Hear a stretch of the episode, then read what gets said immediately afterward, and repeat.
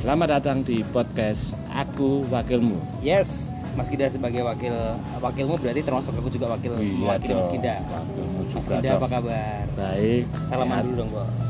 Terima kasih sudah diajak ngopi. Waduh, ini sore-sore enaknya ngobrol sambil ngopi-ngopi gitu Mas Betul. ya. Dan kebetulan kita ada di tempat yang ini lumayan baru Mas Ginda. Iya, saya baru kali ini ke sini. Nah, ini kita lihat nanti apakah sudah bayar pajak apa belum. Mas Gida, Siap. Aku tanya-nanya. Kemarin kan aku udah denger podcastnya Mas Gida yang pertama. Betul.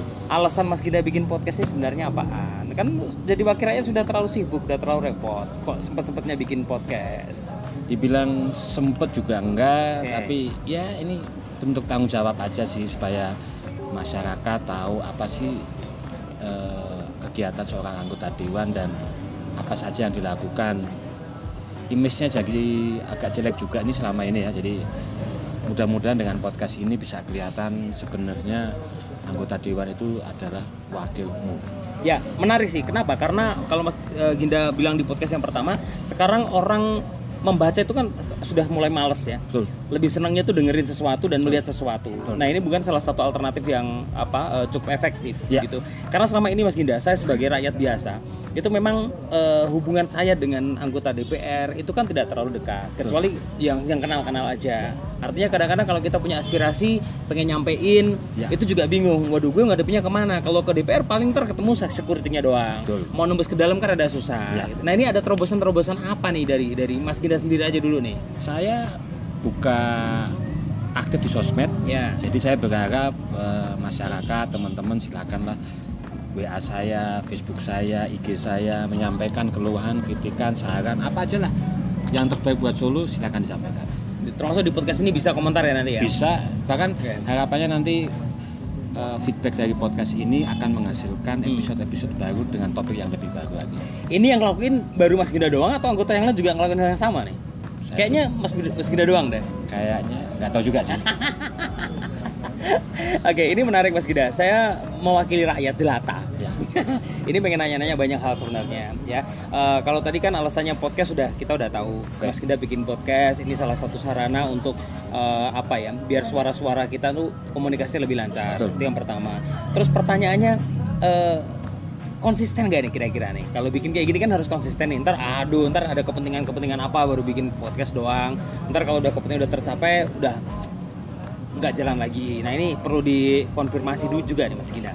konsisten. Jadi harapannya ya sepanjang teman-teman masyarakat selalu memberi masukan, ada yang topik yang menarik perlu diulas, ada ide, ayo kita ngobrol. Bahkan saya berharap bukan hanya Mas Esa, tapi ada teman-teman lain yang juga mau ikut ambil bagian dalam Oke. podcast ini. Boleh Mas, nanti kebetulan kan saya juga eh, ketua MC Solo Raya. Wes. Ya, toh. artinya nanti saya akan sosialisasikan ke teman-teman juga. Selama ini udah tahu sih, artinya eh, saya sering komunikasi dengan Mas Gida tuh mereka udah tahu. Cuman kan kita perlu lebih intens lagi nih untuk ngobrol lebih detail lagi ya. Oke, kembali lagi Mas Ginda ke podcast ini sendiri eh, apa ya Mas Ginda ya?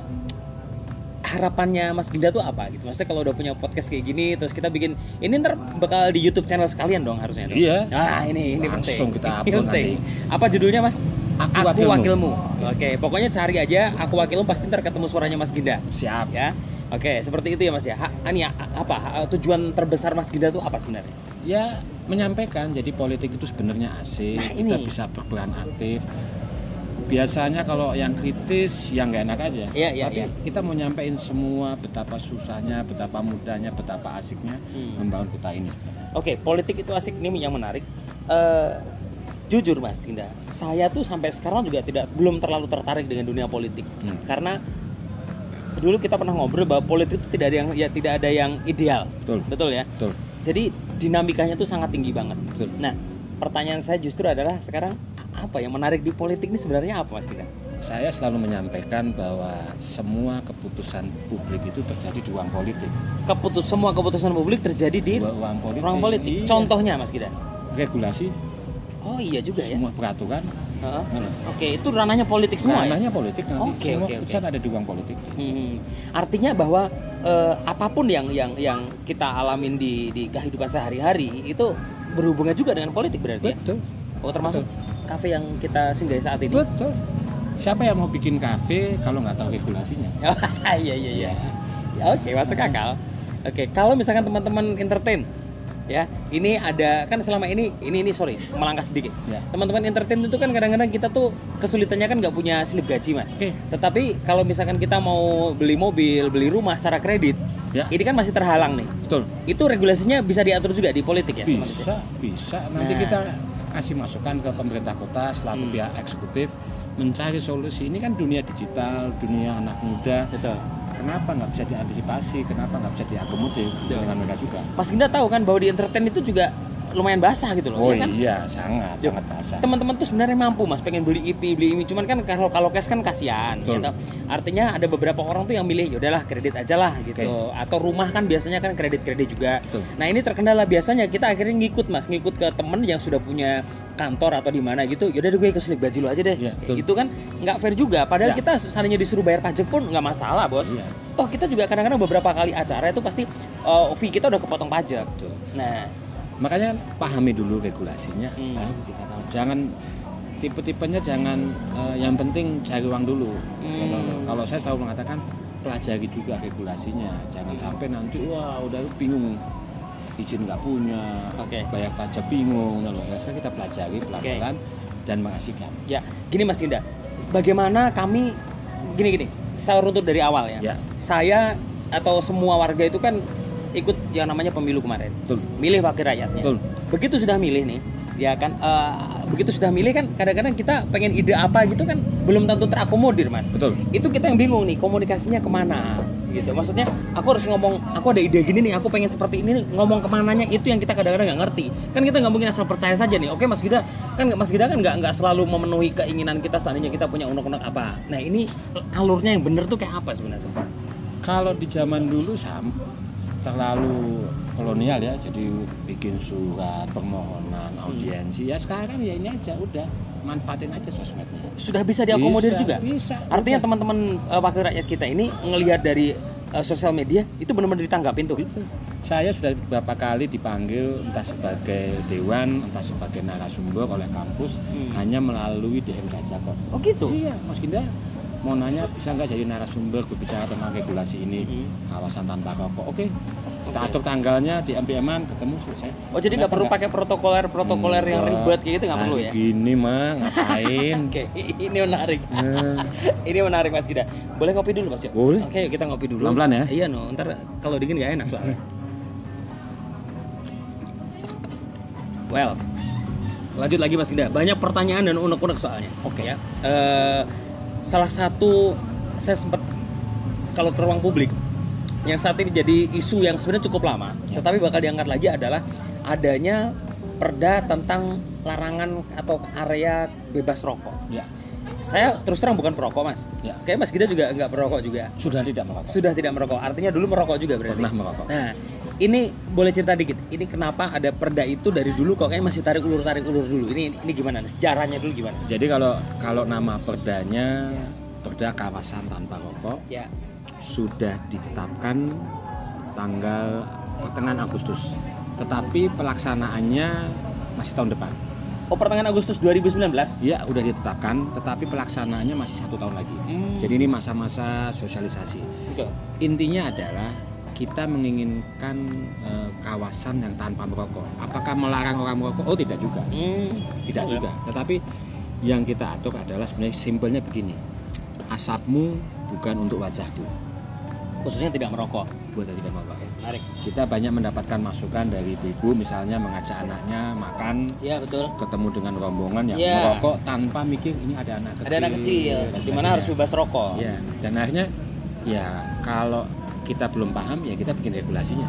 Oke. oke, regulasinya apa? Ya regulasinya kawasan tanpa rokok. Nah, inti daripada persoalan eh perda itu adalah ada lima lokasi yang sifatnya absolut. Lima lokasi yang sifatnya absolut. Artinya wajib harus. sama sekali tidak, Tidak boleh. boleh, buat merokok, tidak boleh buat merokok, tidak boleh buat menjual dan tidak boleh buat mengiklankan. Oke. Lima lokasi sifatnya wajib. Itu di setiap kota atau Solo aja nih? Di kota Solo aja kita bicara perda Eh, ya. Solo aja ya. Solo Solo, aja. ya. Oke. Jadi- di mana aja tuh mas limanya? Semua tempat pendidikan Sekolah berarti. sekolah, kampus. kampus, ya toh, kesehatan, rumah sakit, puskesmas, dokter, apotek, tempat ibadah, masjid, gereja, angkutan umum dan tempat eh, anak-anak. Artinya public area dong berarti ya. Iya, semua itu tadi. Oke, oke. Jadi sama sekali tidak boleh merokok. Jadi kita bicara tempat pendidikan kampus bisa dipastikan mulai tahun depan Agustus tempat pendidikan tidak boleh merokok sama sekali. baik di halamannya atau apa? Halaman, kantin, taman tidak boleh. Wow. Wes, agak berat juga memang. Iya. Tapi apakah kita melarang? Oh tidak, silakan merokok keluar dari pagar saja. Masalahnya kita bicara kampus Solo aja, ya. Taruhlah UNS nih. Ya, kan betul. cukup luas tuh, Bos. Betul. Artinya kita bicara kampus UNS itu berarti yang dipagerin UNS itu Betul. nggak boleh ngerokok di dalam. Sama sekali tidak boleh. Kalau dari pihak kampus menyediakan ruang khusus untuk perokok. Tidak boleh. What? Ketentuannya adalah absolut. Ya. Oke. absolut. Kenapa? Ya kita mau membatasi, ya toh kita tidak anu, tapi tenggang rasa lah. Oke, Oh, oke. Silakan. Eh, kalau kalau di luar negeri seperti Singapura itu sudah yang biasa. Oke. Orang kantoran turun hanya keluar ke jalan Hanya untuk hanya merokok. untuk merokok. Oh, itu belum habit itu udah negeri udah jalan ya? Sudah jalan. Dan kita Oh. berpikir untuk lima lokasi ini is okay. Oke, oke. Untuk lima lokasi ini nggak apa-apa, ini Hmm. absolut. Nah ya ini yang saya bilang politik itu asik. Misalnya oh, nggak asik ini aturannya, Hmm. ya ayo kita ubah kok. Oh, bisa, ya? Bisa aja kenapa enggak? Oke. Regulasi itu kan harus mengikuti zaman. Nah makanya kalau memang memang dirasa perlu diubah, kenapa tidak? Menarik, menarik, menarik, menarik. Oke, jadi artinya semua peraturan yang lo ini berarti masih ide atau gimana ceritanya? Baru baru konsep atau apa ini? Sudah ditetapkan. Lo terus kok bisa dirubah? Loh, ya kan nanti ada masukan lagi. Hmm, oke oke oke oke. Ini namanya ini namanya politik, ini namanya asik, ini namanya demokrasi. Tapi untuk saat ini, mohon maaf, mulai tahun depan lima lokasi itu tidak boleh buat merokok sama sekali. Lima lokasi itu nggak boleh merokok sama sekali.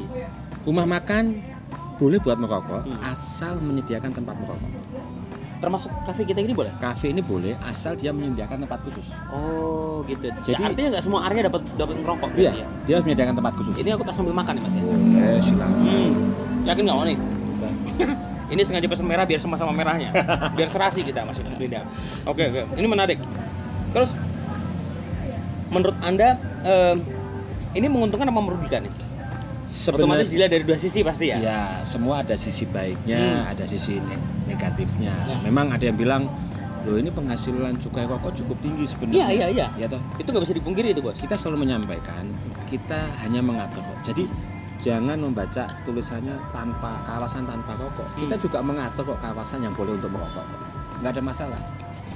Sebenarnya ada win-win solution, tetapi karena semangatnya kita mau melindungi anak-anak dari bahaya merokok, kita mau melindungi ibu-ibu hamil Ya. dari bahaya asap rokok, makanya kita bikin aturannya. Jadi mereka tahu, oh kalau saya main ke rumah sakit saya akan aman dari asap rokok. Oh kalau saya main ke tempat pendidikan saya akan aman dari asap rokok. Oh kalau saya ke rumah makan saya tahu Rokoknya harus di mana? merokoknya di mana Ya. dan yang tidak merokok di mana. Hmm. Oke. Mulai tahun depan tapi ya. Mulai tahun depan Agustus. Agustus tahun Ini masa-masa sosialisasi. Bentar, tadi kita belum tahu. Beberapa eh, listener kita atau viewer kita kan belum tahu nih Mas Gideon sebenarnya di, di, di DPR tuh di komisi berapa? Mas? Kalau saya sih di komisi satu, Tahun kemarin juga di komisi satu kayaknya, periode yang lalu.